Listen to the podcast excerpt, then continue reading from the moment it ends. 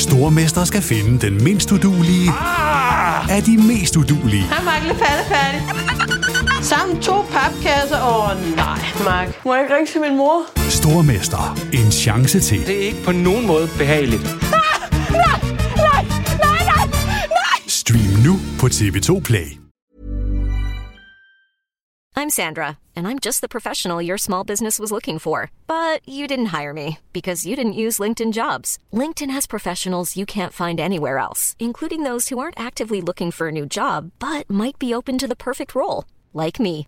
In a given month, over 70% of LinkedIn users don't visit other leading job sites. So if you're not looking on LinkedIn, you'll miss out on great candidates like Sandra. Start hiring professionals like a professional. Post your free job on linkedin.com/people today.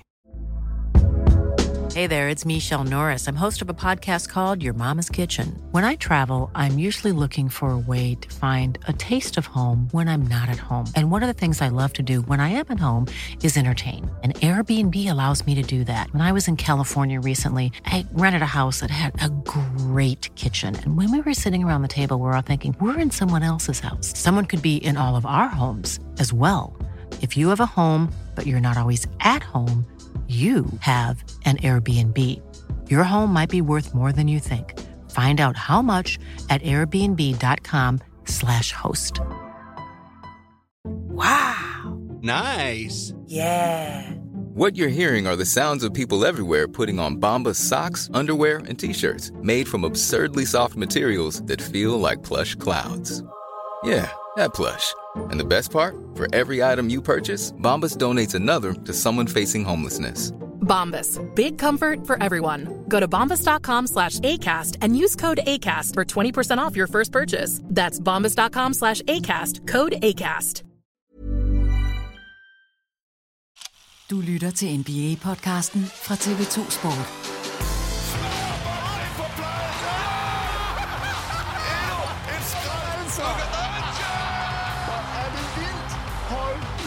Elsa.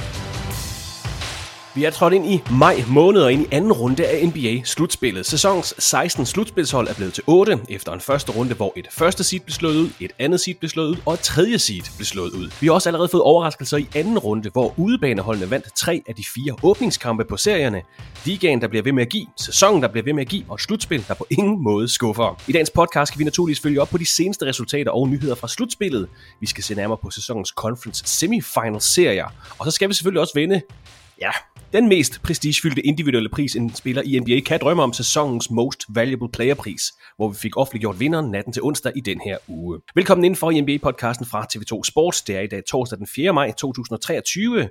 Mit navn er Christoffer Vestrup, og her på årsdagen for Charles Barkley's playoff career high 56 point mod Golden State Warriors i første runde af 1994 slutspillet, der vil jeg byde velkommen til podcastens helt egen Round Mount of Rebound. TV2's NBA-ekspert Sø Peter Wang. Velkommen til dig. Juhu! Oh, men altså, hvor er det skønt. Jeg troede kun, vi, vi kunne tale om de 56 point, når vi skulle hylde Jimmy Butler. Men øhm, det her, ja tak, et år, det er på dagen, jeg er glad. Det er et fantastisk start på sådan en dag. Årsdagen for den her første runde serie mellem Golden State Warriors Ja, og Phoenix. tak. 56 point af Charles Ah, men han var så god. Det var, det var en stor fornøjelse. Og det går stærkt. En ting er, at Charles Barkley er den 94, men det går stærkt, fordi om under en måned, der har vi altså fået sat gang i sæsonens NBA-finaleserie. Det første opgør, den bliver spillet torsdag den 1. juni. Der er masser af kampe, inden vi når så langt. Vi har jo kun lige fået taget hul på anden runde af slutspillet, Conference Semifinals, som amerikanerne kalder det, hvor vi har set en øh, enkelt kamp i serien mellem Warriors og Lakers, og så to opgør i de tre andre serier. Og der er selvfølgelig noget, vi skal have fokus på i dagens podcast, men vi har altså også en, øh, en ret stor nyhed i den her uge, som vi er nødt til at lægge ud med, fordi vi har nemlig fået uddelt den sidste og den største af NBA-sæsonens store individuelle priser, sæsonens Most Valuable Player-pris, der blev offentliggjort natten til onsdag i den her uge. Et, et stærkt felt, en stærk international trio kæmpede om prisen i år, men den gik altså til Joel Hans Embiid fra Philadelphia 76ers, der joiner Will Chamberlain, Julius Irvin, Moses Malone og Allen Iverson som 76ers-spillere, der er blevet kåret som NBA's MVP. Topscorer i grundspillet 33,1 point per kamp, snittet også 10,2 rebounds, 4,2 assists, 1,7 blocks per kamp, skød 54,8% fra gulvet. 76ers endte på en tredjeplads i Eastern Conference, havde deres bedste record siden 2000-2001 sæsonen, altså for 76ers franchises flest sejre siden 0001 sæsonen. To anden pladser i træk i afstemningen, Peter, altså i MVP-afstemningen. Det blev Joel Embiid's tur i år. Øh, sæsonens most valuable player, Joel Hans Embiid, som vi kalder ham, fra Philadelphia 76ers. Trust the process. Ja, men altså det, jeg, jeg synes, det er... Jeg gider faktisk ikke koge mere suppe på det, fordi vi har haft tre spillere, der hele sæsonen har været de dominerende. Og det skulle blive en af de tre. Og jeg ved godt, at man meget nemt kan vende det her rundt og sige, jamen, hvorfor blev det ikke Jokic? Hvorfor blev det ikke Antetokounmpo? Jeg synes, det, det er fjollet. Altså, øh, jeg har det meget fredeligt med, at det blev en beat. Var det blevet Jokic, så tror jeg, jeg havde siddet og sagt præcis det samme. Men der er stærke øhm, holdninger til, at det der... ikke blev Jokic, faktisk. Kan jeg læse på jamen vores det, Facebook-side blandt andet? Jamen, det er der virkelig. Det er der virkelig, og det kan jeg også godt forstå. Altså, at man, at man gerne ville have haft Jokic i stedet for, men det gør jo bare ikke i min verden, at Embiid ikke er værdig. Jeg synes, der er tre ligeværdige spillere i år, og det er meget, meget sjældent, vi sidder med den situation. Øh, at det så bliver Embiid, så kan vi godt sidde og netpikke og sige, hvorfor ham over Jokic? Jamen altså, du kan jo starte i forsvaret og sige, at han er en gevinst i forsvaret, hvor Jokic måske ikke er det. Nå, men han har ikke lige så mange assist. Nej, det har han ikke, men han scorer så lidt flere point. Men han er ikke lige så effektiv. Nej, det er også rigtigt. Hvordan skal vi vægte det? Altså, hvad er det for et tal, vi skal gå ud fra? Ja. Heldigvis, kan man sige, så er, er det ikke Antetokounmpo, der vandt den, fordi det ville være så... Altså, det er virkelig en, en sådan en lidt fesen måde at fejre en MVP på, hvis man er røget ud af slutspillet. Så lige nu, Jokic kan sige, vi har vundet de første to, og du har kun spillet en Embiid, og den har du endda tabt her i anden runde, så derfor er det mig, der skulle have haft den. Det er stadigvæk en, øh, en ære, du får for det spil, du laver i grundspillet. Det er de 82 kampe, det går ud på. Yes. Så jeg synes hellere, vi skal hylde Embiid og sige, hold nu op, altså. Den, øh, den helt rigtige MVP i år. Fantastisk spil. Ligaens topscorer. Øh, den første spiller, der har været med i Basketball Without Borders. Øh, der, der er rigtig mange gode historier om Embiid her. Og jeg synes, det vil være synd, hvis historien bliver, at han får den, fordi han ikke fik den sidste år for i år. Nej, ja. han får den, fordi han har været rigtig, rigtig god i år. Og det var Jokic også, men der er kun én der kan få den her pris, og i år blev det Embiid, og det er okay. Og det er altså den øh, syvende internationale spiller til at vinde MVP'en i NBA, og nu snakker jeg det her trust the process, det her, ja, på dansk proces, som Philadelphia gik igennem, hvor de virkelig var dårlige for så at få de her høje draft picks. Der var Joel Embiid jo det første, man valgte, øh, ikke første valget, men tredje valget tilbage i 2013, så vidt jeg husker. Men den første sådan byggesten, og det må man jo altså sige, at, at det lykkes nu, når man har draftet en, når man gør sig så ringe, at man sikrer sig en MVP, så har man i hvert fald gjort et eller andet rigtigt i den proces. Men det kan vi snakke om en anden på det tidspunkt. Embiid snittet over 33 point, 10 rebounds, over 66 kampe i grundspillet. Det er kun, jeg tror vi har nævnt det her før, men det er kun Bob McAdoo, Will Chamberlain, Elgin Baylor og Kareem Abdul-Jabbar, der har gjort det tidligere. Hvis man så tilføjer til de her 33 point, 10 rebounds, hvis man tilføjer de her fire assists og halvandet blocks per kamp, som Joel Embiid snitter, så er det faktisk kun ham, der har leveret den her statline over en sæson nogensinde. 33 point, 10 rebounds, 4 assists, halvandet blocks. Syv sæsoner har han spillet NBA. Han er to gange liga topscorer, fire gange All-NBA. Han kommer også på et All-NBA-hold i år, men indtil videre fire gange All-NBA, tre gange All-Defensive, seks all, gange All-Star, Peter. Havde han et Hall of Fame-resume før den her MVP-titel, for der er jo ingen tvivl om, at nu er han en Hall of Fame-spiller, når han kommer med en MVP, eller vi putter det oveni i hans CV. Altså det, det tror jeg, han havde, men det er igen, så skal man til at måle ud, hvor mange sæsoner er det nødvendigt at spille, og altså jeg, jeg kan ikke forestille mig, selvom han ikke skulle have fået den her, at, at han ikke var kommet i Hall of Fame. Altså han har været okay. i, han var top 2 de sidste to sæsoner, i snakken om MVP, så allerede der, det, det siger jo noget om hans storhed. Så det her, det er bare sådan en understregning af, at selvfølgelig er det her en Hall of Fame-spiller, vi taler om. Skaderne vil altid være en historie om ham, men altså, nu skal vi give ham de næste mange år forhåbentlig til at vise, at det her er bare begyndelsen. Og nu er næste skridt der at få det der mesterskab, som, som man altid går efter. Og, øh, men fuldstændig 100% sikkert en Hall of Fame-spiller. Joel Embiid modtog øh, 73 af 100 første stemmer til MVP-prisen, vinder den foran Nikola Jokic på andenpladsen, og så Giannis Antetokounmpo på tredjepladsen. Og øh, Kasper Røngård Larsen har bemærket og skrevet til os på vores øh, Facebook-side. Det er godt set, Kasper, at på den her oversigt over stemmer til MVP'en, der kan man selvfølgelig se, hvor mange første, anden, tredje, fjerde og femte stemmer en spiller har fået, og der er simpelthen en derude, der ikke har Nikola Jamen. Jokic i sin top 5. Den forklaring vil jeg faktisk gerne høre. Hvis man, ikke, hvis man ikke engang kan se, at Jokic er en femte stemme værd til MVP'en, det er ret grotesk, synes jeg. Altså, at man kan få lov til at stemme på den her pris, og så sige, Nikola Jokic, han er ikke i top 5. Det synes jeg godt nok er specielt. Jamen, det, det er helt vildt. Altså, jeg, jeg har også bemærket den. Der, der er mange, der har kommenteret på den, fordi øh, hvis man skal tage den her pris alvorligt, og det skal man jo, fordi den har indflydelse på, om at du kan få nogle bonusser i, i din løn, og der er mange ting, som, som spiller ind i en MVP. Hvis man sidder derude og har fået lov til at være en af de altså 100 udvalgte, og du ikke har Jokic med i top 5, så har du ikke taget den her opgave alvorligt. Og så skal du egentlig bare have at vide, at du skal ikke være med igen, fordi det er, det er simpelthen til grin. Altså man kan godt skændes om, ah, skal det være en første plads eller en anden plads, og så kan, Ja, altså, bevares, ja, ja. Men, men det her at holde Jokic ude af top 5, så er det simpelthen fordi, enten har man et horn i siden på ham, eller også har man taget sig betalt af en eller anden, øh, som, som nægter at tro, at det kunne lade sig gøre at få nogen til at, at holde ham ude af top 5. Ej, nu sidder jeg her og antyder, at jeg tror, han er blevet bestukket. Det ved jeg ikke. Det, det tror jeg ikke, han er. Så det tager jeg lige i mig igen. øh, men i hvert fald, så er det en, som ikke har taget det her alvorligt. Det er en, som har kigget på det og sagt, om det, pff, jeg, jeg sætter bare fem navne ned. Fordi du, du kan ikke gå igennem den her sæson og mene, at Jokic ikke er en top 5-spiller. Nej, men det er også det, jeg vil frem Altså, til. det- Det, det- ah, men det er jeg helt- vil faktisk det er gerne helt høre manden, kvinden, Ja. ja. for den skyld. altså, hvem, ja, det jamen, er. det vil jeg også gerne. Hvad er begrundelsen til det? Det synes jeg Men plejer de, plejer de ikke faktisk at offentliggøre navnene? Jo. Altså, jeg synes, at vi plejer, så det, jeg glæder mig da til at se, hvad det er for en, og hvad det er for en fanbase, han eller hun som tilhører. Om det er en tro 76ers fan, som på den her måde vil prøve at sørge for, at, øh, at den lander hos Embiid, eller om det er en eller anden, som på en eller anden måde har et problem med Denver. Altså, det, det, det er, jamen, det er vildt underligt. Men det er vildt underligt, fordi hvis du siger ja til at være med i sådan en konkurrence, så er det jo fordi, du er interesseret i en sport, så er det jo fordi, du synes, du har noget at byde ind med, så er det jo fordi, det, det ligger dig hjertet nær.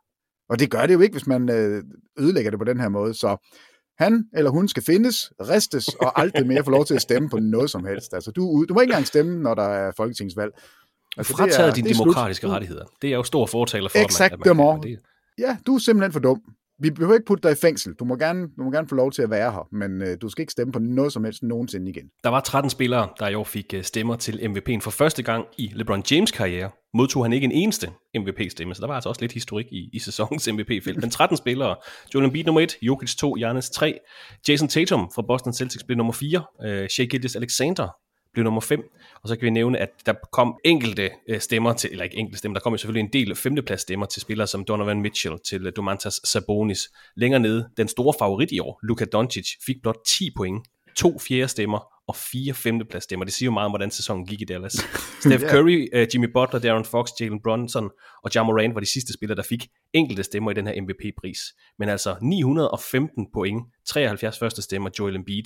Og altså sæsonens MVP, og, og nu har vi snakket lidt om det her, The Process, det er en vild historie med Joel Embiid. Altså starter med at spille basketball som 15-årig, bliver opdaget af Luke Mbar Amute, spiller på en lille high school i Florida, havde ikke det vildeste år på University of Kansas, hvor han også blev skadet. Han var alligevel så eftertragtet, at Philadelphia 76ers startede den her The Process med at bruge øh, tredje valget. Det var tilbage i 2014 på Joel Embiid, og så missede, så missede han altså to hele sæsoner Joel Embiid med en fodskade. Der har været flere skader, der har begrænset ham siden da. Det, det skal vi også huske, som du siger, Peter. Det er en, hist- eller det er en, en parentes efter Joel Embiid. Der har været mange skader, men når han har kunne spille, altså så har han domineret. 76ers har været i slutspillet seks sæsoner i træk. De er nået til anden runde i fem af dem.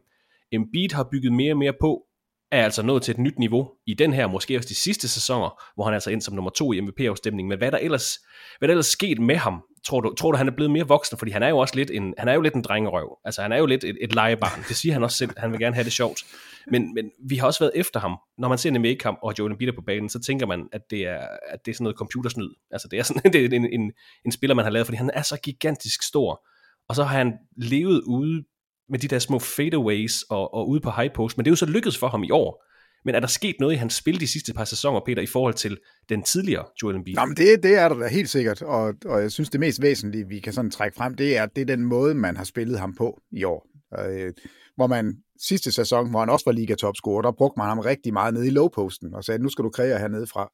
Og det var lidt nemmere for modstanderne at, at kollapse på ham, fordi man har baglinjen som sådan en ekstra forsvarsspiller. Så, så der var han, det var sværere for ham, og vi, jeg synes, man så mange situationer, hvor han endte sådan lidt uheldigt med, med nogle underlige afleveringer ud fra den der low post, og nogle lidt, lidt dårlige afslutninger.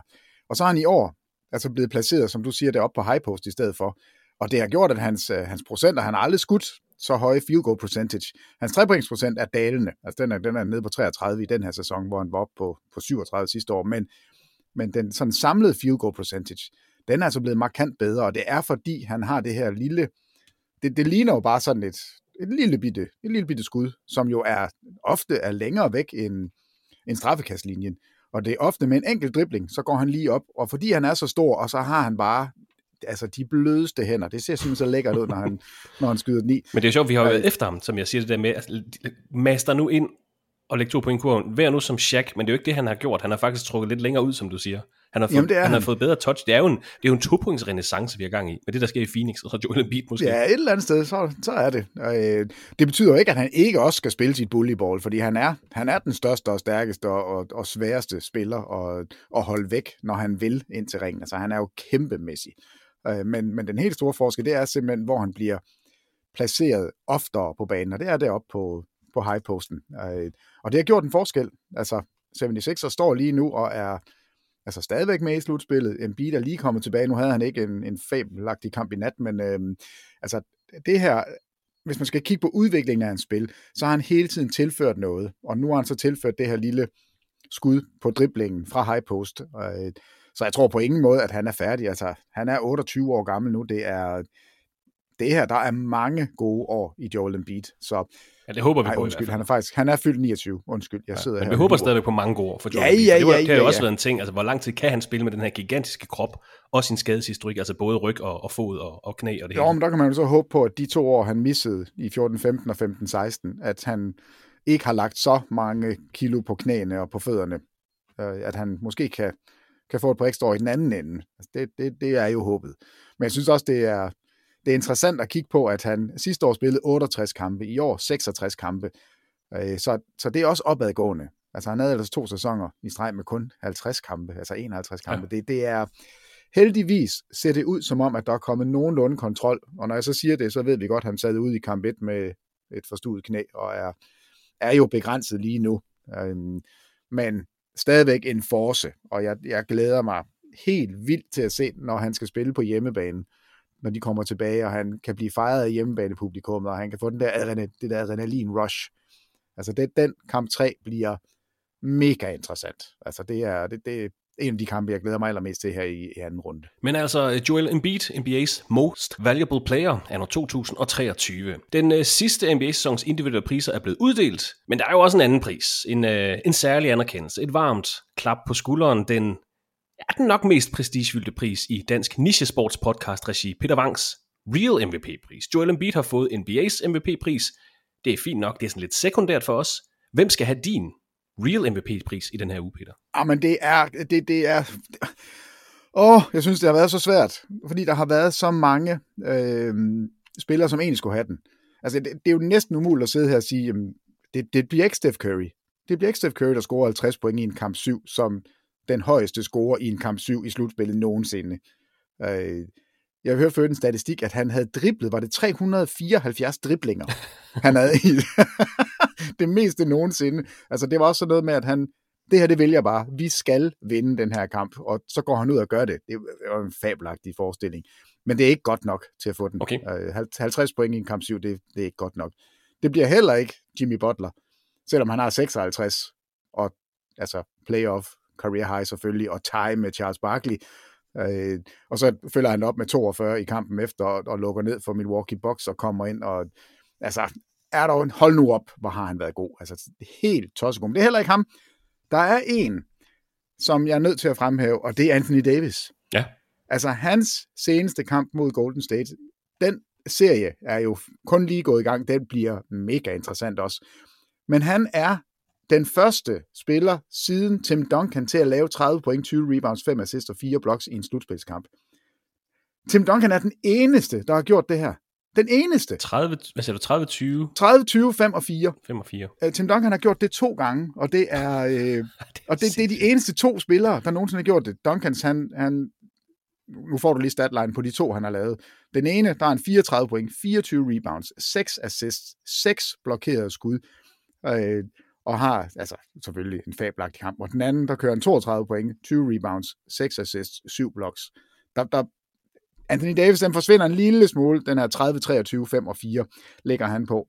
Men det, han har lavet imod Warriors i den kamp, det, det, det skal honoreres, og derfor får han den foran Steph Curry, foran Jimmy Butler. Der er mange, der, der, var- der kunne nævnes, men jeg synes, vi skal gå med Anthony Davis i den her uge. Og det skal nok nævnes her, at der, vores, vores faste lytter vil nok sidde og tænke, åh, oh, nu nævner de Will Chamberlain igen. Uh, man begyndte først at tælle blocks i start 70'erne. så ellers, jeg tror godt, Will Chamberlain kunne have været med på den her. Måske Elgin Baylor også kunne have været med på den her liste over 30, 20, 5, 4. Men uh, Ja, det kan, det kan godt være, men heldigvis så er der også en, øh, en grænse. Øh, så, ja. så nu kører vi den her, og jeg synes bare, det er fedt, at, at Tim Duncan, jeg, han, bliver alt, altså, han er allerede glemt, fordi han er så stille og ikke gør noget væsen af sig, løber rundt og spiller øh, paintball i stedet for. Øh, men Anthony Davis er faktisk den eneste anden spiller i den moderne NBA, der har, der har gjort det her. Så, så det får han prisen for. Han skal have en pris. Stort tillykke ja, til Anthony Davis fra Los Angeles Lakers. You're the real MVP. Og inden vi springer til øh, de her fire anden runde serier i sæsonens NBA-slutspil, så synes jeg lige, vi er nødt til at sætte øh, et par korte ord på to hold, der blev sendt ud af slutspillet i første runde. Memphis Grizzlies og Sacramento Kings. Grizzlies tabte efter seks kampe til netop Los Angeles Lakers med Anthony Davis. Sacramento Kings efter syv kampe til Golden State Warriors. Og det, det jeg egentlig gerne vil spørge dig om, Peter, det er, er det sådan en helt forkert øh, anskuelse, at Sacramento Kings sæson slutter med et sådan positivt aftryk, mens man med Memphis sidder og er lidt mere... Øh, ærgerlig eller uforløst eller sådan noget. Og det, det handler ikke om, hvor mange kampe de vil ud i. Og jeg ved, ikke, hvor, jeg ved sgu ikke, hvorfor jeg har det sådan, fordi øh, jeg er nede på Grizzlies på det her tidspunkt, efter de ellers har leveret en suveræn flot sæson. Jeg er stor fan af deres projekt i Memphis, men giver det mening, at jeg er lidt nede på Grizzlies, når de er ude, og jeg er oppe på Kings, selvom de også er øh, Det giver mening, og jeg, jeg ved godt hvorfor. Altså Grizzlies har, har jo selv, altså du ligger i den seng, du selv har ret, din lille Grizzly Bear. Altså det cirkus, de har lavet i løbet af sæsonen med at bygge op og sige, altså Ja Morant starter ud med, at vi er ikke bange for nogen i Western Conference, I kan bare komme an. Og så laver han sit øh, gun-cirkus på en stripklub.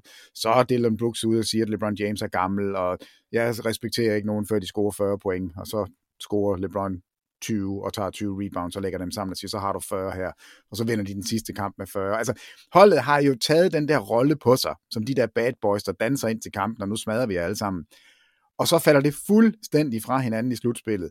Og så kan man godt sige, ja, det er på grund af skader. De mangler deres to største spillere, de mangler en masse. Men hele sådan afran omkring det her hold er jo, nej, hvor er I åndssvagt. Altså, hvis, hvis man laver sådan noget, som de gjorde i den her sæson, så skal man jo vinde. Altså, så, så må man ikke fise ud i første runde på den her måde. Det, det, det giver sig selv. Og så kommer hele historien om, om Dylan Brooks, at han ikke er velkommen tilbage. Og, altså, så på den måde kan jeg godt forstå, hvis du sidder med sådan en lidt ah, følelse af, af det her Grizzlies hold. Men jeg vil bare sige til dig, at der er tre spillere på det her hold. Ja Morant, Desmond Bain og Jaron Jackson Jr. Jeg tror nok, de alle tre er 23 år gamle. Så, frem, så fremtiden for det her hold ser jo, jamen, det, det er et fantastisk sted at være, hvis man er Grizzlies-fan. Altså det, det er, de har alle brækkerne på plads. De skal bare bygge op omkring dem. Og, øhm, og Dylan Brooks har været udskældt med rette. Altså, hvor er han dog meget irriterende. Men altså han har jo også, han har jo givet os en gave i løbet af sæsonen. Men altså han er nok ude, og så må vi finde ud af, hvordan de så gør nu. Men du skal ikke være nede på holdet i fremtiden. Altså det, nej, nej, det, det, det ser lyst ud. Det er også godt, at det ser lyst ud i fremtiden. Og det, jeg skal lige spørge dig til det der med Dylan Brooks. Nu siger du, at han er nok ikke en del af fremtiden. De har jo sagt, eller vi har hørt, at under ingen omstændigheder vil man hente ham tilbage. Han er free agent her til som. Ja, og Men hvor kommer det fra? Er det ikke lidt unødvendigt? Altså, man kan mene, hvad man vil om Dylan Brooks. Han er svær at holde af, det er der ingen tvivl om. Men man må også sige, altså han har knoklet en vis del ud af bukserne i seks sæsoner, han har været lojal over for klubben, og det kan godt være, at han er en hovedpine, det godt, men, men vi ved ikke, hvem der har sagt det her under Jamen, no circumstance, eller det er taget ud af, kontekst. Jeg synes bare godt, at man som klub, hvis det er klubben, der har sagt det, jeg synes godt, man kan vise lidt format. Det er jo ikke, fordi han er morder, eller han har stjålet noget for klubben. Altså, hvis ikke vi beholder ham, så vis lidt format, og så sige, jamen det må vi se på til sommer, og så bare skifte ham ud. Jeg synes ikke, og igen, vi ved ikke, hvem der har sagt under no circumstances. Men... Nej, og det, det, det, er, det er vildt nok en ja. sådan historie, som, som bare ruller det ud af, og vi har ingen anelse om, hvor det kommer fra. Vi ved simpelthen ikke, om det er i Memphis-lejren, eller i, om det er Dylan Brooks-lejren, eller om det er et helt andet hold, og bare en eller anden. Altså, det er jo sources say. Øhm, så, så vi ved ikke, hvor det kommer fra. Men jeg er helt enig med dig. Jeg synes, det er uden format overhovedet, at, at Memphis ikke går... Altså, de burde jo gå ud og sige, vi har på ingen måde sagt det her. Eller lad, os, også... lad, os sige, lad os sige, at han havde lavet en, en Spreewell. Lad os sige, at han havde taget kvælertag ja, på, på træner, så, så kunne man godt sige det. Så er det fint. Altså, ja. men, men, han er en hovedpine, og det har han også været den her sæson. Men... Jo, men du har også gjort ham til en hovedpine. Du har ladet ham være en hovedpine. Jeg synes jo, man er nødt til at pege lidt tilbage på både head coach og på altså hele, hele organisationen og sige, hvorfor er de lader Dylan Brooks skyde tusind gange, når vi alle sammen ved, at han ikke kan skyde? Altså, du, på en eller anden måde er du nødt til at, at justere efter hvad, hvad er holdets bedste. Han er en genial forsvarsspiller. Altså, han er virkelig, virkelig god. Og det glemmer man, fordi man ser alle de der hovedløse beslutninger i angrebet. Og der må jeg sige, hvis du er head coach, Taylor Jenkins, altså, der må også falde noget tilbage på dig, fordi så må du tage fat i håret. Han har, jo, han har hår, men det sidder altid fast på hovedet. Sådan. Du kan nok ikke få fat i det. Så tag fat i trøjen og sæt ham ned og sige, du kommer simpelthen ikke ind, hvis du bliver ved med at skyde på den her måde. Og så lad ham sidde fem minutter og sætte ham ind, dække op alt det her, og det øjeblik, han skyder en tåbelig træer, eller en tåbelig pull-up tor, vil du så kommer du ud og sidde igen. Og det kan også godt være, at du faktisk ikke kommer ind de næste to kampe. Man har haft seks sæsoner, han er den spiller, der har været i Memphis længst af alle de spillere, de har på deres roster. Så jeg synes, det er, jeg synes, det er rigtigt, når du siger, det er formatløst, at man ikke på en eller anden måde anerkender, hvad, hvad man har haft. Det er fint nok, hvis ikke de vil have ham, men, men gør det dog ordentligt. Og igen, vi ved ikke, hvem der har sagt under ingen omstændigheder. Men det er det, der er blevet meldt ud af klubben under ingen omstændigheder ved forlænge med men, Og det... men hvor ender han? Det eneste, jeg har hørt, det er Lakers. Altså. Jamen altså, helt, hvis jeg skal være helt 100% ærlig, jeg gad godt have Dylan Brooks på mit hold. Altså, det, det gad jeg godt med den øh, lille øh, note, at, at han vil ikke få lov til at spille, som han har gjort her. Altså, der vil jeg sige, jamen så, og, og jeg ved godt, der er noget økonomi i det, og en roster spot og det hele, men, men så vil jeg sige til ham, nu, nu får du chancen, gør det, du er god til, og alt det andet, det, det gider jeg ikke se på. Og så vil jeg jo smide ham ud, hvis det var, han ikke forstod det. Og det er det, der undrer mig. Det er virkelig det, der undrer mig, at man ikke har kunne, kunne lande et eller andet sådan et sted midt imellem. Altså han løber jo også rundt nu og siger, at han er, jeg har bare været en 3D-guy. Altså, nej, det har du faktisk ikke. Du har været en D-guy. D-guy. ja, fordi der har aldrig været noget trepointskud i dig. Øh, men du har fået lov til at skabe dig, du har fået lov til at skyde alt for mange dårlige skud. Og det, det er ikke kun Dylan Brooks skyld. Altså, han er en hovedpine, men han er også en god NBA-spiller. Altså, det, det, det synes jeg stadigvæk. Så, så jeg er spændt på, hvor han, hvor han lander, og, og jeg er enig med dig. Jeg synes faktisk, Memphis de har håndteret det her skidt. Altså, øh, det er en dårlig, man har en dårlig smag i munden, når man sådan kigger tilbage på den her sæson og på slutspillet.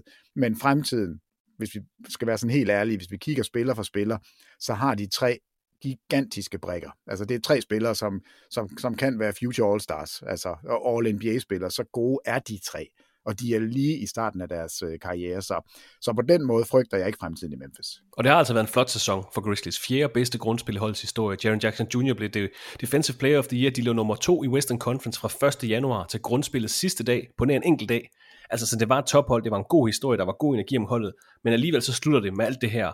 Altså en undervældende serie mod Lakers, alt det her råd med Jamal og Dylan Brooks, øh, de skal nok rejse sig igen. Det er, ja, man skal måske også bare lige fordøje det, og så se tilbage på hele billedet af sæsonen for, for Memphis Grizzlies. Men altså, vi holder øje med dem, fordi det er et, øh, et, et charmerende hold, og igen, jeg er stor fan af, hvad der foregår nede i Memphis. Det er bare, ja, måske det er bare det her støj omkring Dylan Brooks. Men, jeg, men, tror, jeg tror, det er det, der farver os lidt. Altså, det, det tror jeg faktisk, det er. Men så i den anden lejr, Peter. Sacramento Kings, det har selvfølgelig været en stor positiv historie i hele sæsonen, som måske bare sådan flyder videre her efter, at de blev slået ud. De faldt jo også, kan man sige, med ære. De er ude i kamp 7 mod de forsvarende mestre, også selvom det er i første runde. Øh, så dem er jeg altså lidt mere. Det var, det var sgu en flot sæson, og ligegyldigt om I røg ud efter 4 eller 7 kampe, så er det egentlig godkendt. Fordi det har bare været en stor positiv historie, så dem er jeg sådan helt oppe på, og de er jo røget ud, ligesom Sacramento King, eller ligesom Jamen altså, det, jeg er enig med dig, det er en kæmpe stor historie. Jeg, er, jeg, jeg vil gerne have Warriors videre, fordi jeg synes, det her LeBron mod Steph Curry, det er sjovt, men jeg vil også gerne have Sacramento videre, fordi man nu har jeg det sådan lidt, man sidder tilbage og kigger på den her serie, og den er i syv, og, og de var snublende tæt på at vinde øh, den her serie. Ikke fordi de var tæt på at vinde kamp 7, men de skulle have vundet, var det kamp 4, øh, den her 125-126 kamp. Øh, der, øh, der er noget, der siger mig, at der er nogle åbenlyse problemer i Sacramento. Altså, der, der er noget af den, af den måde, de spiller på, som blev udstillet i, i slutspillet. Altså, Sabonis, lige så god som han var i hele grundspillet, lige så god som, som han har været som spilstation, det, det tog Warriors fra dem. Altså, det, han blev ikke den her øh, dribble handoff-spiller, som vi så igennem grundspiller. Vi så ham ikke andet end i en enkelt kamp og, og spille det der bullyball. Altså, han blev stående og kunne ikke rigtig afslutte udefra, og, og det var det var sådan, det, det gjorde faktisk lidt ondt at se, at Sabonis på den måde blev, blev taget ud. Og der håber jeg jo så bare, at han kommer tilbage og er blevet bedre næste år. Men det, det, var, det, det var ret tydeligt, at, uh, at Warriors havde læst på lektion, og godt kunne se, hvordan de skulle dække. Altså Kevin Looney. Og der er et hold med slutspilserfaring, ja, og et hold uden slutspilserfaring. Ikke? Men omvendt, så sidder man jo også, de er ude i kamp 7, de er på hjemmebane. Darren Fox, deres bedste spiller, har brækket en, et led på den ene finger, og, og kan ikke være helt så effektiv.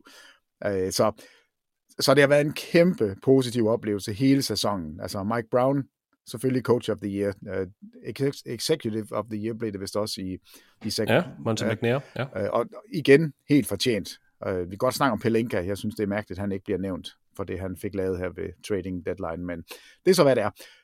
Uh, jeg synes, det er en positiv historie, og jeg glæder mig til næste sæson. Og et eller andet sted, når man kan se, hvad der ikke virker i slutspil, så har man jo også en mulighed for at adressere det. Og sige, hvad, hvad gør vi så?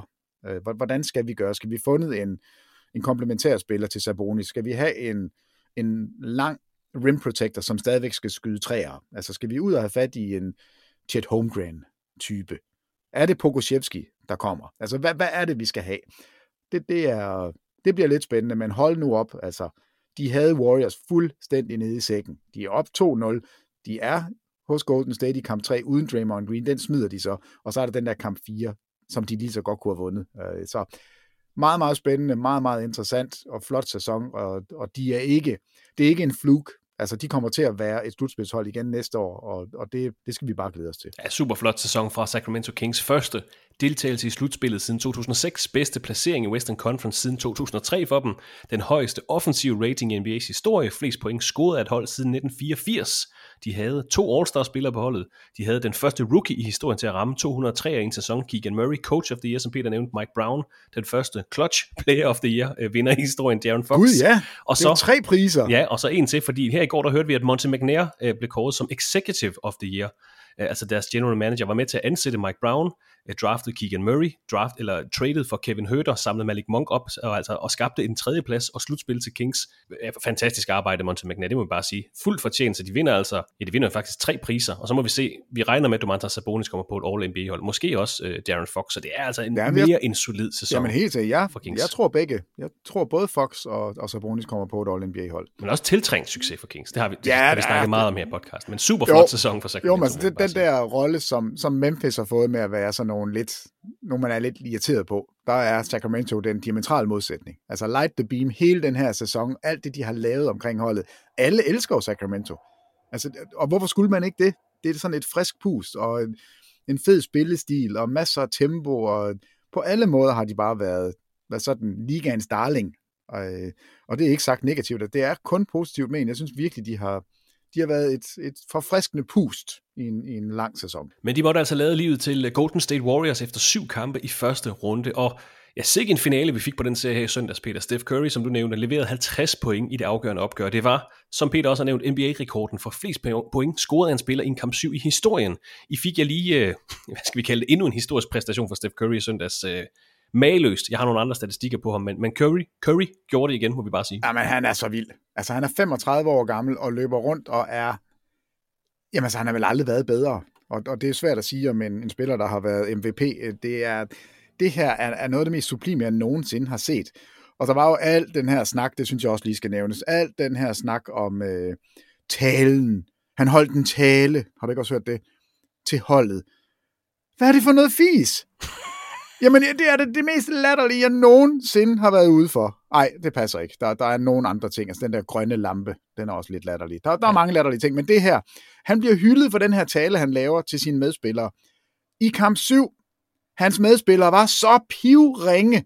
Den eneste, der har hørt noget, det er Kevin Looney. Alle de andre, de er bare sådan, det er rigtigt, Steph Curry, vi skal møde op, og, og hvis ikke vi vil komme for at spille, så skal vi ikke tage med på turen. Øh, nej, det er rigtigt så tager de alle sammen med og spiller bare så ring. Altså, Clay Thompson kunne ikke ramme noget, Draymond Green det samme, Jordan Poole, de var så pivringe. Så talen blev hørt af Kevin Looney og af Steph Curry selv. Så måske skal han bare holde var... tale til et spejl, sammen med Kevin Looney. Han skal... tale sig selv op. ja. Hey Looney, kommer du ikke lige over? Jeg har talen klar. Jo, altså fordi den, der var ikke nogen af de andre spillere, der, altså, der spillede godt. Det var Steph Currys kamp, det her det, det, det var det, der var så skægt, at han blev hyldet for talen. Normalt, hvis man gør det så, så bygger han jo holdet op og får spillerne med, og så spiller de en, en rigtig, rigtig flot kamp sammen. Det synes jeg ikke, det var. Jeg synes, det her det var det The Steph Curry Show, og når, når jeg siger det her med, jeg tror, det var 374 driblinger, øh, det synes jeg, jeg har hørt. Altså det siger også noget om, at han fra start var bare så investeret. Han skød 38 gange i kampen. Altså det plejer han heller ikke at gøre. Han vidste udmærket godt, at hvis vi skal vinde i dag, så er det mig, der skal gøre det. Jeg er den bedste og jeg er ikke bange for det her øjeblik. Men at hylde talen, det er noget fis, fordi den havde ingen indflydelse på andre end ham selv. Men det er jo også værd at tage med, hvis han kan tage sig selv. Ja, ja, det, okay, det er fair nok. Men altså, at snakke om sådan en inspirational speech, og de har aldrig hørt en bedre tale, jamen det er da fint. Altså, det, det er da godt, han har en god tale, men hvis så ikke I spiller bedre, så, så, så, så, nej, så ved jeg ikke, hvad, hvad det er, der virker andet, end at de har været sådan helt, nej, ja, det er rigtigt, han er, han er rigtig god, Steph Curry. Men er du svimmel, han bakkede sin egen tale op, det, det må man bare sige. Og som nævnt flest point i en kap 7 i NBA's historie. Han var den 10. spiller i NBA's historie til at levere 50 eller flere point i en afgørende kamp i en slutspilserie. Han er den anden spiller over 35 år i historien til at levere 200 eller flere point i en slutspilserie. Den anden er Michael Jordan. Selvfølgelig career high til Curry i antal point i slutspillet, 50, og en sejr, der bragte Golden State Warriors videre til anden runde af slutspillet. Steph Curry har også rundet 600 ramte træer i slutspillet. Første spiller i historien.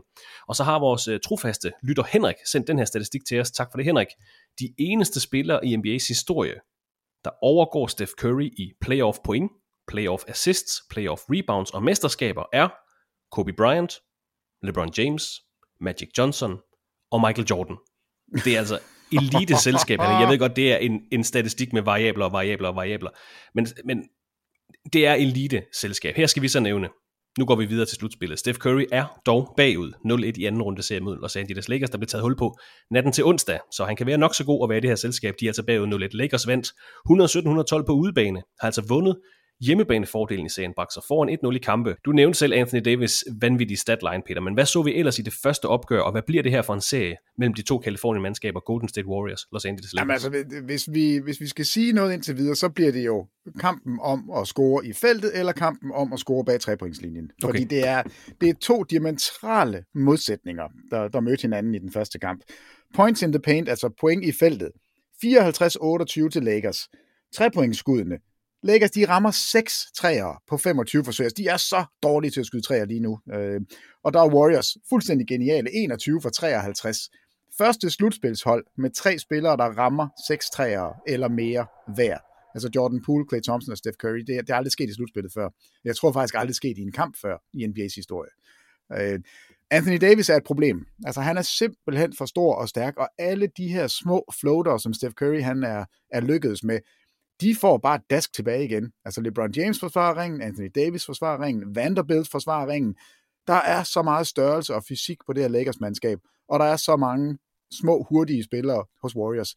Så det bliver contrast of styles, hvis man kan ja, okay. sige det. Øh, så skuddene udefra, de, de tilhører Warriors, og alt det her tunge inside-spil, det tilhører Lakers. Øh, og jeg ved ikke, LeBron James kan jo ikke ramme, om det galt hans liv.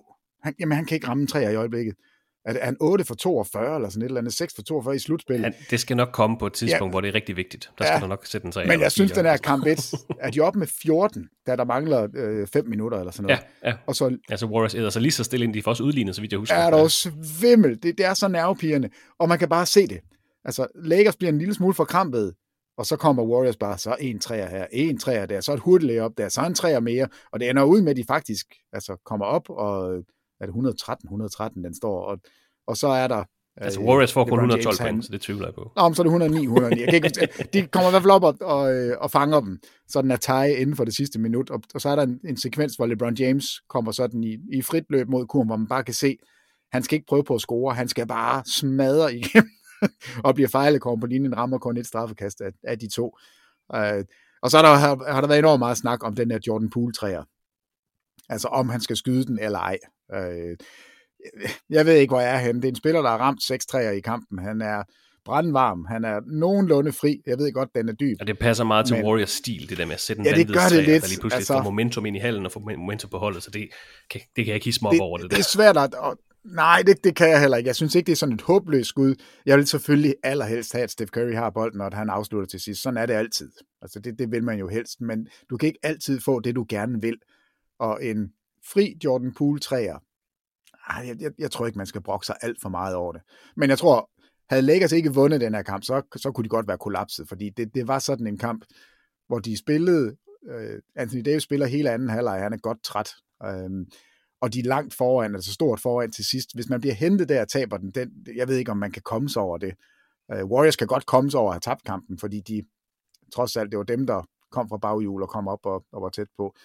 Øh, så den her serie, den er kun lige gået i gang, men når du spørger til, hvad det bliver for en serie, så bliver det det der fysiske pres, som Lakers kan lægge på Warriors, og så bliver det tempoet, trepointsafslutninger på Warriors. Det, det kan de gøre ved Lakers. Men jeg synes faktisk, at Lakers ser bedre og mm. bedre ud. Men det er jo, altså, øh, en, en ting af det er også fordi, nu er der en ved siden af LeBron James, der bare shiner. Altså Anthony Davis, der han er skadesfri.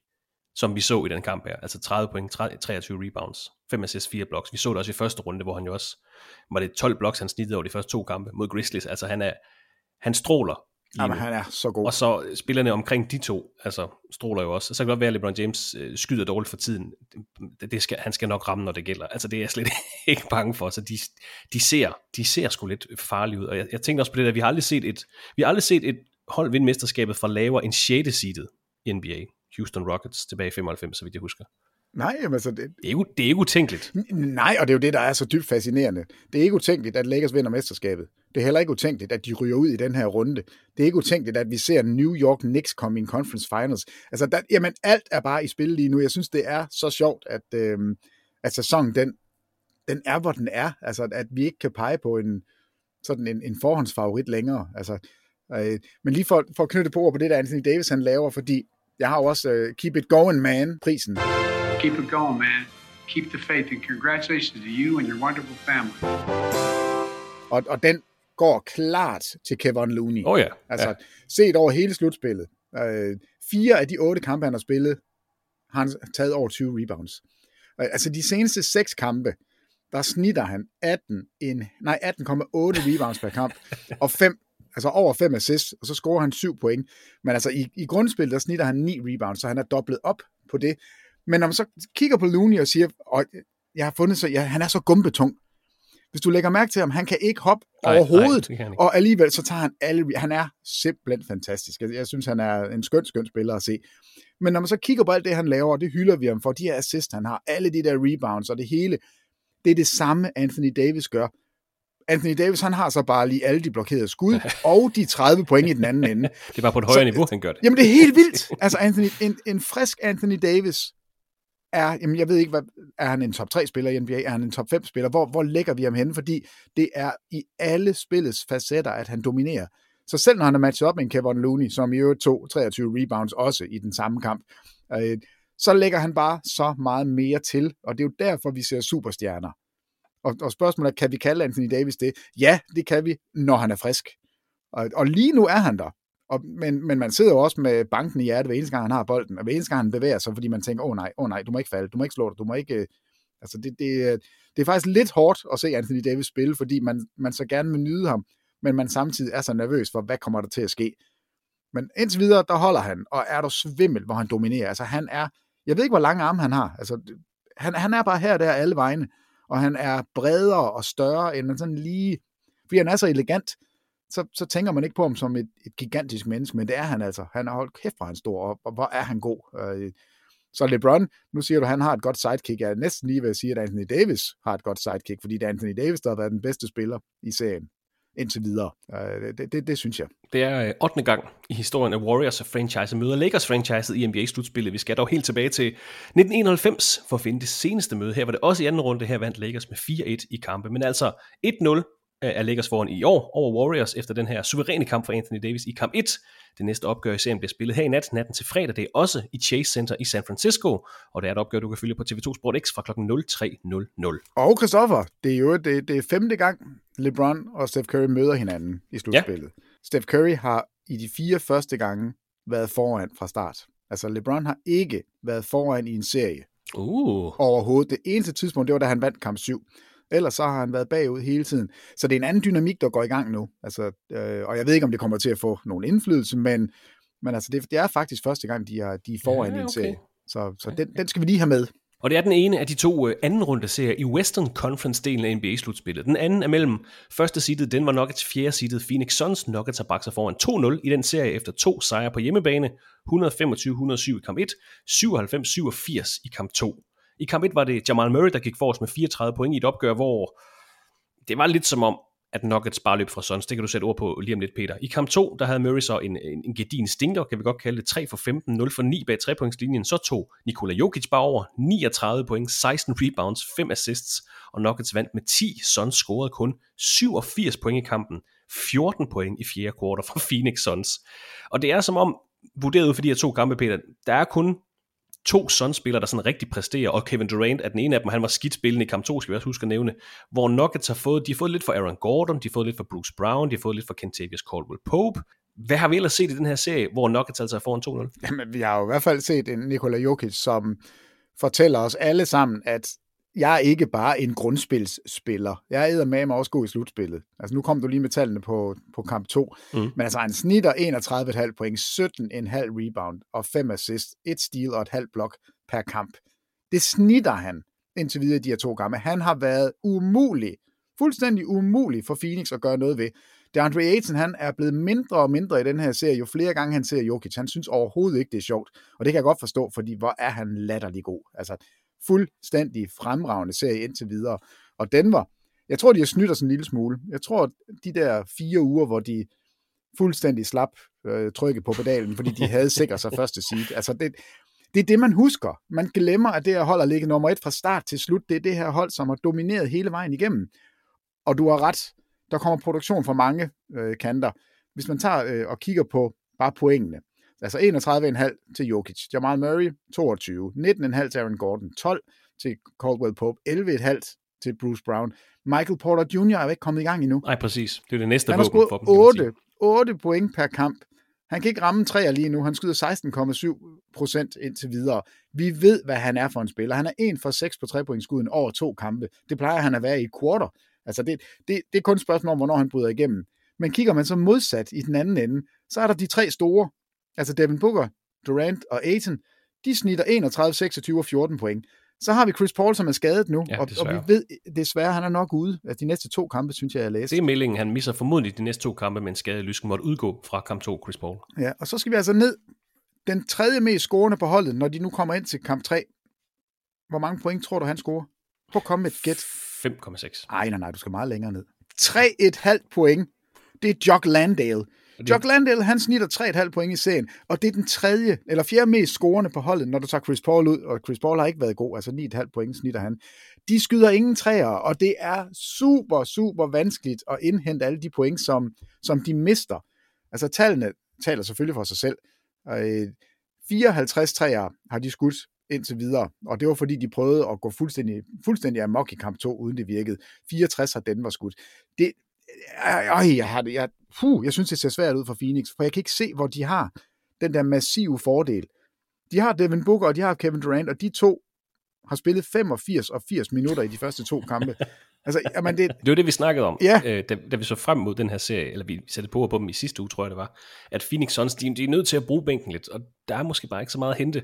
Og når du så også får den her skade til Chris Paul, så bliver rotationen jo bare mindre. Jamen. Man spiller jo ikke i forvejen med, en- med en ret bred rotation i slutspillet, det ved jeg godt, men, men de kan ikke blive ved med at køre de her... Måske Devin Booker, han er stadig forholdsvis ung, men det er bare mange minutter, de også øh, havde i, i serien mod Clippers Phoenix Suns. jo, så lad os, lad os bare sige, at Devin Booker, Kevin Durant og DeAndre Ayton, de kan spille 48 minutter. De kan, Ja. ja. Så gode er de. Nu kommer der så en perlerække af navne, hvor du så skal rotere dem. Jock Landale, Cameron Payne, Josh Okogie, Torrey Craig, Damian Lee, Landry Shamet, Is Wainwright, Bismarck Biombo, Terrence Ross. Terrence Ross burde jo godt kunne levere 14 point i den her serie fra bænken. Altså, i, han kan godt komme ind, og så kan han score 30 point i en slutspilskamp. Det, er jo- det er jo den type, han er. Men problemet er bare, at han kan ikke dække op. Øh, Så derfor så, så skal han pakkes en lille smule ind. Og lige nu der er det svært for mig at se, hvor- hvordan skal de gemme nogle spillere. Øh, Den her skade til Chris Paul er gigantisk, fordi han er i det mindste stabil. Han ved, hvad han skal. Der er ingen problemer med det. Det, det er virkelig skraldet, hvad der kommer nu ind. Og to af dem skal altså blive starter, og så skal man supplere med de andre fra bænken. Og vi kan jo ikke spille 48 minutter til Booker, Durant og Aiden. Det ved vi jo godt. Og faktisk har de ikke rigtig kunne gøre noget ved Jokic alligevel. Så, så jeg ved ikke, hvor forstærkningen skal komme fra. Altså Denver er i min bog, ikke kun fordi de er foran 2-0, men også bare på det, der udspillede sig, så er de massive favoritter i den her serie. Øh, jeg synes, Phoenix er blevet udspillet, og jeg synes, det er, det er interessant at se, øh, hvor- hvordan sådan det, det mere velafbalancerede hold, det dominerer. Altså, fordi de kan ramme dig fra så mange vinkler, øh, det er Denver-mandskab. Og når vi kigger på Michael Porter Jr., som altså ikke har været i gang endnu, så er det endnu en brik. De har ikke nogen brik hos Phoenix, hvor man sidder og kigger, om han skal nok komme i gang. Vi mangler lige det der. Men var vi for Altså- hurtigt ud, undskyld jeg afbryder dig Peter, var vi for hurtigt ud dengang, vi så Kevin Durant blive traded til Phoenix Suns, og det er jeg selv, jeg peger også fingre øh, indad her, der sagde vi, åh, oh, der blev Phoenix Suns lige øh, favoritterne i Western Conference. Nej, jeg synes... Var vi for hurtigt ud, eller hvad? Ja, vi, vi, vi var lidt for hårde ved Denver, altså, øh, og, og kiggede nok lidt for meget på de sidste fire uger. øh, og så, at den var faktisk spillet rigtig dårligt, og de kunne ikke dække op, og de kunne faktisk heller ikke score point, og det hele var noget miskmask. Øh, men der, der var det jo også forventningen, at man har de fire, altså Chris Paul, Aiden Durant og Booker. Jeg, jeg ved ikke, om vi kan finde fire spillere i NBA på noget hold, hvor man tænker, det er en bedre starting for. Altså det, det, det er jeg svært ved. Det er virkelig fire formidable spillere. Og så er det ikke så svært, hvis, hvis du skal rotere dine spillere rundt om. Altså der, hvis man har fire gigantisk gode spillere, så, så er man godt på vej. Øh, men nu, når man tager en af dem ud, og så har set, hvordan man øh, er blevet domineret fysisk, så, så begynder man at tvivle en lille smule. Så vi var nok for hurtige øh, og har givet Denver for lidt kredit. Øh, men omvendt, nu skal vi tilbage til Phoenix, nu skal vi se, hvad, hvad kommer hvad kommer Booker og Durant med, fordi de lægger sig ikke ned her. Altså Kevin Durant er for god, Devin Booker er for god, øh, og måske kan man få, få tændt op under ballerne på, på DeAndre Ayton, så han ikke er så bange længere. Øh, så jeg, jeg tror da ikke, at serien den er slut, men, men jeg synes, Denver ser, Denver ser lige så god ud, som de var tilbage i januar, hvor vi, hvor vi hyldede dem og kiggede på dem som, som det her mesterskabshold. Og altså, ja, altså det, er altid, det er altid sjovt at se, når justeringerne kommer. Vi så det allerede fra Phoenix, at de, de havde fem træer i første halvleg af kamp 1. Altså, de ramte en træer og skød fem gange. Og, og, og det har de jo kigget på de tal og sagt, nej, det går nok ikke. Vi er nok nødt til at skrue op for volumen. Så nu ser vi lige pludselig Kevin Durant pull-up træer, Devin Booker pull-up træer. Altså, så de har ændret deres spil, og måske kan de, altså, måske kan de simpelthen bare score point nok. Men, men jeg har svært ved at se, hvordan de skal lukke ned for det her Denver-angreb, hvor Jokic er altså virkelig, virkelig god. Øh, og når Murray spiller, som han gjorde i kamp 1, så ved jeg ikke, hvad man gør. Han faldt sammen i kamp 2, så finder vi nok en, en blød mellemvare de næste par kampe. Men Jokic er forskellen for mig lige nu, fordi han er, han er så dominerende angrebsmæssigt, og de har ikke fået ham udstillet forsvarsmæssigt, fordi Aiton har været forsvindende ringe. Og det er bare skægt at se de her øh, altså kampe, hvordan de, de kan ja, altså selve kampene kan bølge frem og tilbage, men også bare resultaterne i serien. Altså kamp 1, 125-107, forholdsvis højt scorende kamp. Kamp 2, 97-87. Så altså selv Denver, der var okay godt kørende, selvfølgelig ikke Jamal Murray, de scorer altså 28 point færre, end de gjorde i kamp 1, har altså hentet en 18 point sejr og en 10 point sejr, som Peter nævner, nu skifter serien til Phoenix, hvor kamp 3 og 4 skal spilles. Den næste kamp er natten til lørdag, og altså en nøglekamp i den her serie. Vi har nævnt det før, vi nævner det igen, der er aldrig et hold, der er kommet tilbage fra at være nede 0-3 i en bedste syv serie. Så Phoenix Suns, de skal altså vinde kamp 3. Det kan vi godt... Ja, men de skal ja. vinde den. Det, det, altså, det ligger i kortene, og det er, altså, den bliver også interessant. Og vi har naturligvis også to serier i Eastern Conference, hvor vi også har fået to kampe i hver serie. Anden seedet Boston Celtics står for tredje seedet Philadelphia 76ers, og så har vi en serie mellem femte seedet New York Knicks og 8. seedet Miami Heat. Stillingen er 1-1 i kampe i begge serier, efter at Celtics hentede en sejr her i nat. Øh, hvilken af de to østserier serier skal vi starte med, Peter? Hvad for en synes du er mest interessant? Oh, ja, jeg, jeg synes jo, Philadelphia-Boston, den er, den er vanvittig. Ja. Øh, for, fordi kamp 1 var den her kamp, hvor Joel Embiid ikke er med, og så ser vi bare lige en vintage James Harden-præstation. Den gamle altså, James Harden har jeg også skrevet. Ja, ja, og nej, hvor var han god. Altså, han var ustoppelig. 45 point, øh, 17 for 30 og 45, det er faktisk det højeste, han har scoret i en slutspilskamp. Han har gjort det før, men altså tie career high til, til James Harden. Og det, der var anderledes, det var, at han faktisk også kom til ringen. Altså han slog, hvem der nu måtte dække ham op, om det var Jalen Brown, eller det var Marcus Smart, eller det var... Øh, Brogdon tror jeg også var overfor. Ja, Brogdon var også over, hvad hedder han også? Øhm, ham, der kom fra San Antonio. Derek White nævnte du. Derek White, ja. Altså han slog alle sine direkte modstandere. Og hvis ikke han kom forbi dem på første dribble, så havde han det der lille step back øh, trepointskud, som vi så i Houston, som er umuligt at dække op, men han bare ikke rigtig har haft i Philadelphia på samme måde. Han var tilbage, og det var nødvendigt, og hvor, hvor var han latterlig god, og så kanonkuglen, altså Tyrese Maxey er, hvor er han, jamen jeg fatter simpelthen ikke, hvordan han kan få afsluttet de her layup, hvor han er i så, så høj fart, og alligevel har sådan øh, lille på pladen, eller bare direkte i kurven, og så vælter han ned bag baglinjen, og så er han tilbage igen i forsvaret. Der er så meget smæk på ham. Og Anthony Melton var, synes jeg også, virkelig, virkelig godt kørende. Uh, Tobias Harris leverede noget. Altså, vi, vi så en sådan forfriskende Sixers-mandskab, der bare kom ind i Boston, og Boston så shell-shocked ud i store perioder. Altså, jeg, jeg, jeg synes ikke, de spillede nogen god kamp. Uh, jeg, jeg synes, det var nogle mærkelige beslutninger, og Marcus Smart, er det ikke ham, der har den sidste aflevering, eller er det Brockton, der har en aflevering direkte ind i hænderne på Maxi til sidst, hvor shotklokken er på vej ned. Og altså, der var virkelig mange dårlige beslutninger. Men de ramte altså de ramte dagen 76ers. 119, ja, det gjorde 115. De. de havde også kun 6 turnovers i kampen. Celtics havde 16. Ramt 17 3 af 76ers. Og bare lige de sidste ord her, som jeg synes, der var lidt et, øh, et sjovt link her mellem øh, Denver-serien og så den her serie, fordi i kamp 2, hvor Jamal Murray var dårligt kørende, der så vi Jokic gå til at være, Nå, i stedet for at være facilitator, så går jeg bare til at score point. Og det så vi også lidt her med James Harden. Altså, de var uden Joel Embiid i kamp 1, så var James Harden så over 45 point, og som du nævnte, 26 point for Tyrese Maxey, 17 for Dan, øh, Anthony Melton. Men det er bare skægt at se de her øh, spillere træde ind i andre roller, fordi de er på et andet niveau. Jeg skal ikke facilitere i dag, Nå, så scorer jeg point. Det må være vildt at kunne det er mere det, jeg vil sige. Ja, jamen, altså, det er, altså, jeg havde ikke, hvis jeg havde sat penge på den kamp, så ville jeg have givet Boston øh, odds en milliard. Altså, jeg, jeg troede Sixers ville få sådan en syngende losing i kamp 1. Altså, jeg troede virkelig, Boston ville sætte sig på kampen, og det kommer bag på mig, at de ikke var, var bedre forberedt, havde jeg sagt. Altså, at de ikke var mere sådan engageret i kampen. Det var som om, de troede, vi har vundet den på forhånd. Og det ved jeg godt, de ikke tror. Og, og selvfølgelig prøver de på alle måder at gøre det bedste, de kan. Men de var der bare ikke. Altså, de, jeg synes, de tog mange dårlige beslutninger. Jeg synes ikke, det, det lignede det der hold, som, som, som burde være forhåndsfavoritterne til at vinde det hele nu, efter Milwaukee er ude. Øh, det så man så i kamp 2.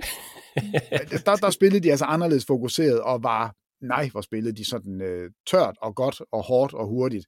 Og der var jo et interview med Joe Masula, deres head coach, hvor han blev spurgt til, hvad er I sure? Ja, vi er rasende. Ja.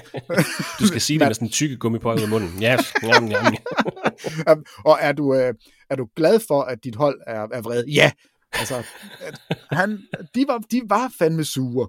De var, de var simpelthen så sure på sig selv over, at de havde smidt en kamp 1, som de skulle have vundet. Nu er Joel Embiid tilbage. Det gjorde ingen forskel. Altså, Boston var det, langt, langt bedre. Det har jeg skrevet som overskrift. Altså, efter at have misset kamp 1, så modtager han sæsonens øh, MVP, og han har ikke fået trofæet nu, men han er blevet kåret som sæsonens MVP. Og han har fået et Rolex-ur. Hvor var det sødt. Joel Embiid siger, I'm back. Og så taber de med 34 point. ja, jeg tror også Jokic, han har siddet over i Denver og tænkt, jamen det kan I bare se, den der MVP, det var nok bedre, den var landet hos mig. Øh, men altså, historisk, historisk set, når du taber kamp 1 på hjemmebane, du vinder altid kamp 2. Ja. Det, det, er, det er meget, meget sjældent, det sker, øh, det andet. Og det gjorde Boston serien den er gået i gang nu. Det, når, det der populære saying, altså man, en serie går først i gang, når man har, har tabt eller vundet en kamp på, mm. på den anden, altså når man har tabt en kamp på hjemmebane. Øh, og det har vi jo gjort nu, så nu er vi i gang. Jeg tror ikke, Boston er færdig her. Jeg har stadigvæk Boston til at være favorit i den her serie. Jeg synes, de ser stærkere ud. Jeg synes, det er et bedre hold. Men der har jeg været før. Det troede jeg også imod Warriors sidste år, og der kunne de ikke gøre det. Men jeg tror, de kommer tilbage her. Og jeg synes egentlig, Joel Embiid så ud, som om han godt kunne bevæge sig. Altså, jeg synes ikke, han var så begrænset. Han har fem blokerede skud, hvor fire af dem er i første halvleg, hvor han er... At der, der er de jo ikke blevet løbet over ende endnu. Og der er, der er et af dem på Jalen Brown, et blok på Jalen Brown, hvor man tænker, at han brækker armen. Nå, ja, det var han skulle til at dunke. Ja, det er vildt. Han er ja. bare sådan et... Øh, ja, det, han spiller godt i den periode der. Men set over 48 minutter, så er Boston, de er simpelthen for brede, de er for stærke, de er for gode, i hvert fald i kamp 2. Så, så kampen kommer til at stå i kamp 3 og 4. Der skal 76ers. Altså, de må ikke... Altså, de skal vinde de to kampe, tror jeg, for at, at, at kunne vinde serien. Og det er...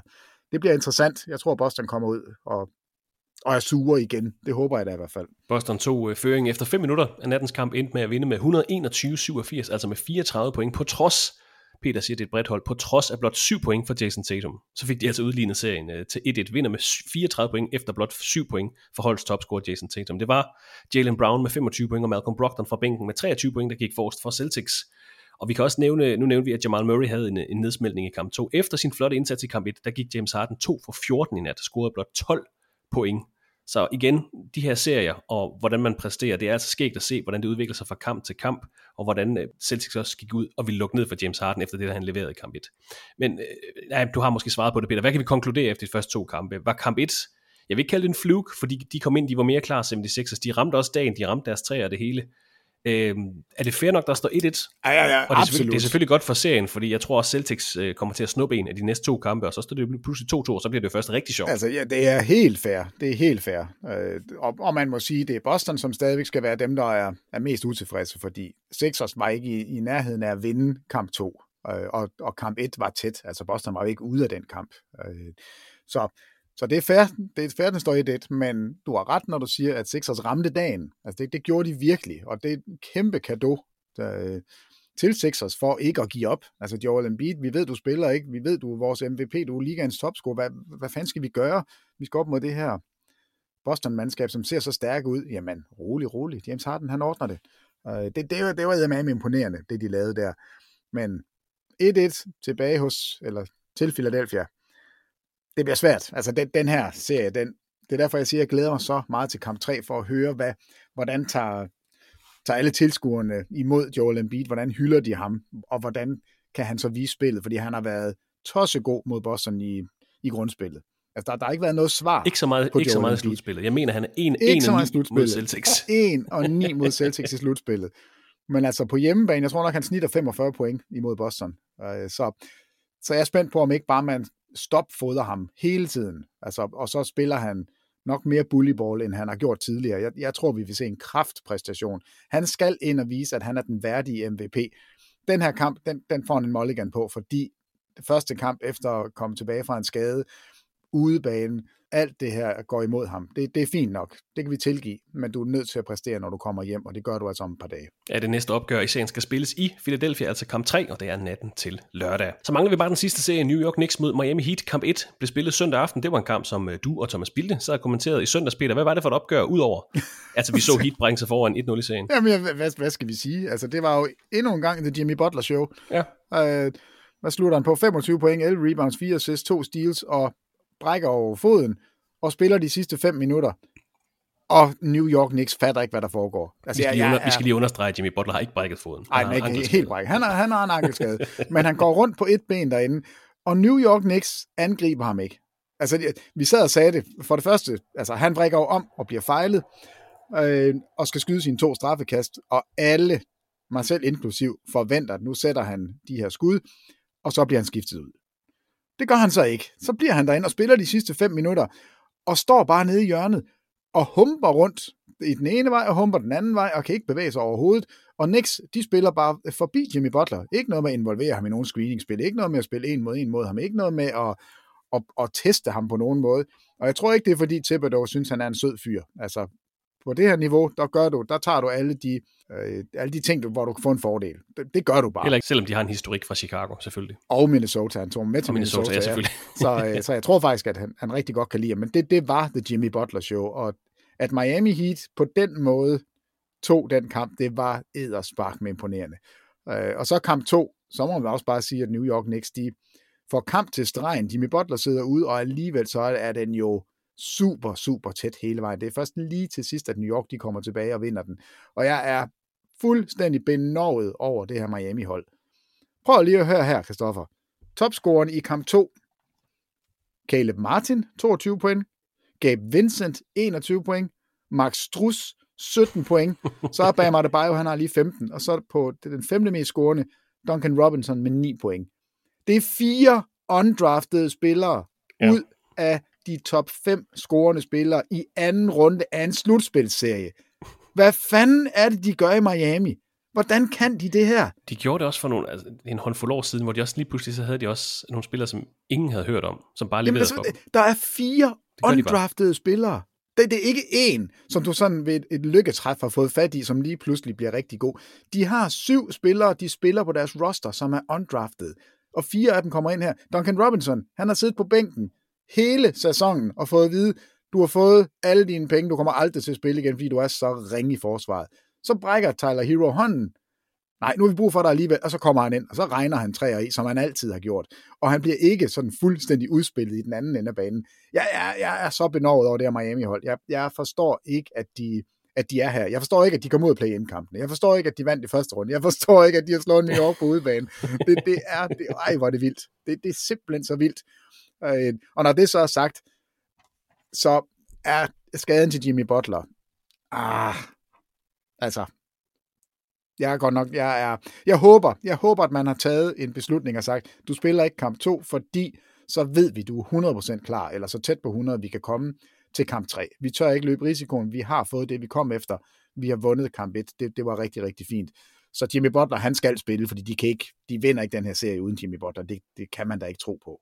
Og Det, tror du på det? Nej, ikke rigtigt. Nej, ikke rigtigt. nej, nej. Han, han skal med, og det, det forventer jeg faktisk også, at han kommer. Men hvor er det sjovt at se produktion fra, fra andre spillere, og lille tykke Kyle Lowry er, er lige pludselig tilbage og laver Kyle Lowry-ting. Og, altså, jeg, jeg synes, det er en fascinerende serie. Virkelig. Men var der også mange New York-spillere, som, som stepper op? Altså, Ja, præcis. Vi skal Ej. også huske at rose dem. Altså, jamen, de, det tabte, skal vi. de tabte på hjemmebane. 101-108. Miami Heat vinder kamp 1. Så kommer de så til- tilbage igen i kamp 2, vinder 111-105. Og vi så, vi så i kamp 1, Obi Toppin leverede god produktion. De var uden Julius Randle i kamp 1, fik så lidt fra RJ Barrett, Obi Toppin. Julius Randle var så tilbage i kamp 2, leverede næsten en triple-double, 25 point, 12 rebounds, 8 assists, men Jalen Brunson selvfølgelig topscorer i kamp 2, hvor de altså vinder med 30 point, udligner serien til 1-1. De spiller godt Knicks, de spiller også meget bedre i de, altså i de hvad, hvad bliver det nu, syv slutspilskampe, vi har set fra dem i år. De spiller meget bedre, end jeg havde troet. Jamen klart, og, og den spiller jeg faktisk er mest overrasket over. Jeg er ikke så overrasket over Josh Hart, fordi det han laver, altså han er top rebounder på deres hold, sammen med Mitchell Robinson. Han har 19 rebounds i de her to kampe. Han har 13 assists, det er mest af alle på, på holdet. Ja. Øh, det, det, jeg ved godt, hvad han er for en spillertype. Han, han dominerer ikke ved at score point. Altså, han har 12 point, 9,5 rebounds, 6,5 assist, et halvt blok, et halvt steal.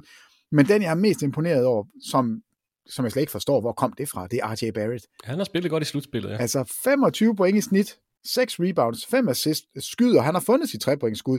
Altså, der er jo hele de her, han har jo lavet sin skud øh, mekanik om, øh, hvad hedder det, sin, sin måde at skyde på, op til den her sæson. Og jeg ved ikke, om det er derfor, øh, men i hvert fald så skyder han 43% på træerne over de to kampe. Jeg er ikke sikker på, at det kommer til at holde, men hvor har han dog været en anderledes spiller, efter de første to kampe i første runde, hvor han var så mega ringe, at man nærmest har lyst til at sætte ham på bænken forever, så har han bare spillet godt siden. Og i den her serie, han har været det der friske pust, og den der ekstra spiller, man havde brug for, da Julius Randle ikke kunne være med i kamp 1. Men han har bibeholdt det i kamp 2 også. Super, super vigtigt. Øh, men det er skægt, hvordan man i første runde fuldstændig smadrer Cleveland, altså fysisk. Der, det var, de var bare for store og for stærke, og Angus reboundede alt. Så kommer de altså op imod et, et, et hold fra Miami. Et hold fuld af undraftede spillere, som alle sammen bare kæmper helt vildt. Og så store Kevin Love, der løber rundt. Og i Cleveland, jamen, jamen jeg ved slet ikke, hvordan de må tænke. Jeg, jeg tror ikke, de kan holde ud og se det. Det er Jeg tror også, han, han har været sur på Cleveland før. Jeg tror bare, han er nødt til, nu gider jeg simpelthen ikke mere nu gider jeg ikke mere, nu vil jeg væk, fordi jamen det, hvorfor ikke beholde ham? Jamen det, det, giver, altså, ingen, det giver simpelthen ingen mening, når man kigger tilbage og, og ser, hvad, hvad manglede Cleveland? De manglede fysik, de manglede rebounds, de manglede træer, og nu løber Kevin Love rundt. Rebounds, fysik, outlet passes, træer, og gør alle de der ting, som Cleveland bare manglede. Altså det, det må gøre så ondt. Det må gøre så ondt på dem at kigge på en spiller, de sagtens kunne have beholdt. Der var ingen, der gjorde Altså ingen, der tvang dem til at, at smide Kevin Love væk. Altså det, det, det, det er helt skørt. Så synd for Cleveland, godt for Miami, og godt for os, at den her serie, den lever. Altså den, den bliver, det bliver også sjovt at komme tilbage til Miami og, og høre, hvordan... Det kan være, at publikum faktisk kommer til, til første kvartal. Ah, lad os nu lige... Ah, du måske... Oh, ej, måske oh, er, det, er det rigtigt. Det... Måske i starten tredje kvartal, kan det godt. Nej, der er de ved til halvleg. Måske... Måske. Måske, ja. Vi, you never know. Nu, nu må vi se, hvad der, hvad der sker. Men Miami Heat har i hvert fald fået det, de gerne vil have, en sejr på udebane, og nu skifter serien til Miami, hvor kamp 3 og 4 skal spilles næste kamp er lørdag aften, 21.30 dansk tid. Ja, tak. En kamp, man kan følge på TV2 Sport X, og det handler selvfølgelig meget om, Peter, hvor meget Jimmy Butler er med, og hvilken forfatning han er i. Det er jo det, der bliver afgørende for den her serie. Nu er Julius Randle kommet tilbage, vi regner med, at han er klar til, til resten af serien.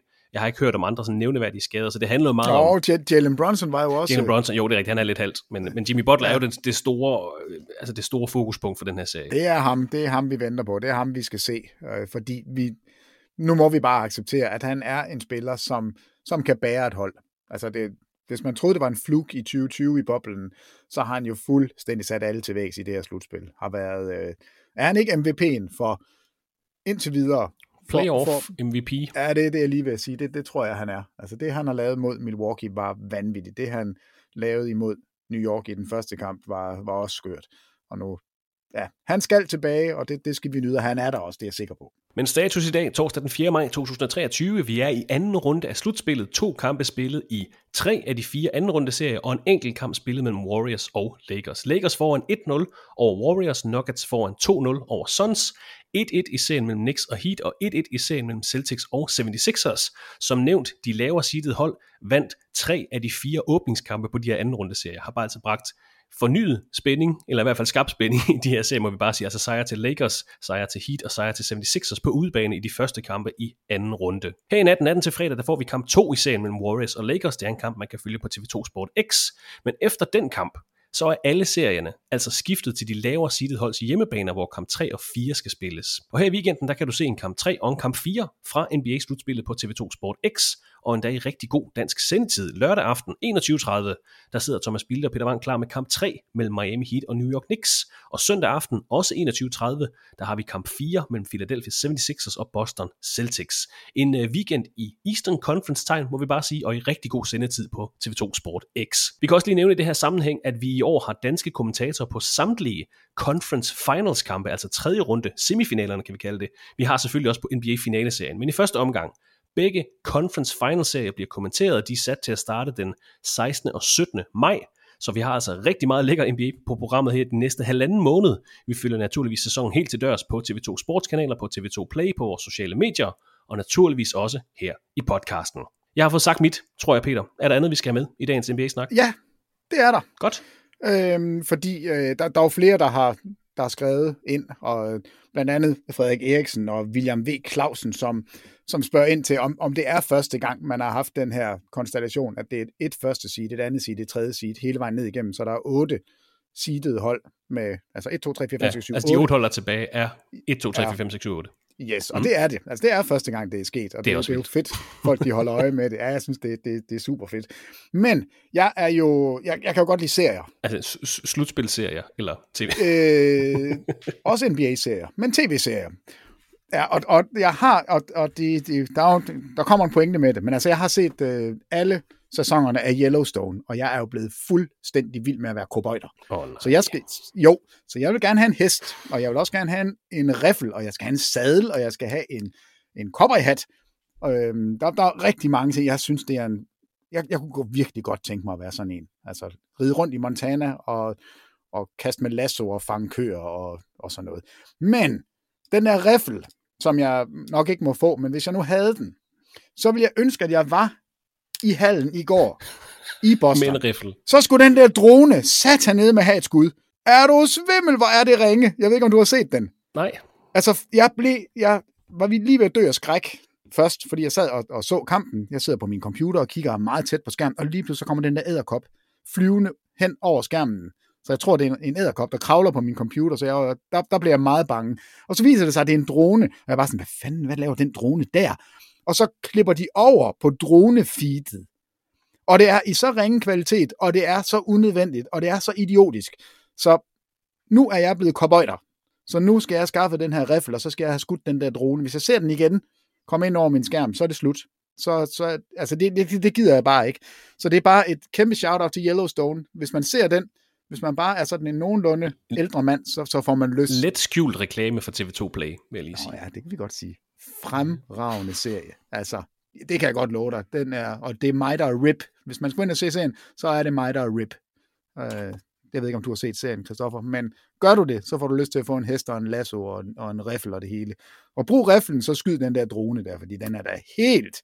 Jamen, det er det latterligste, jeg har set. Det er fint at prøve på noget nyt, men så gør det i orden. Yellowstone alligevel. ordentlig kvalitet. Altså, det holder ikke, det der. Ud med den. Ud med dronen, skyd den, væk med den, og så rid vest på din, rid vest på din hest. Rid vest på din hest.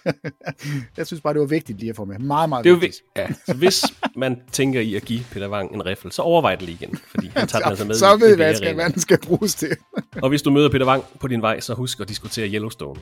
Den er god. Den er virkelig god. Og NBA selvfølgelig. Peter Wang, tak for din tid i dag. God arbejdsløst i weekenden. Det er mig, der takker. Det er mig, der takker, Christoffer. Vi snakkes ved. Og tak til dig, der valgte at bruge din tid sammen med os i NBA-podcasten fra TV2 Sport. God fornøjelse med slutspillet og weekendens NBA-kampe, og på genhør i næste uge.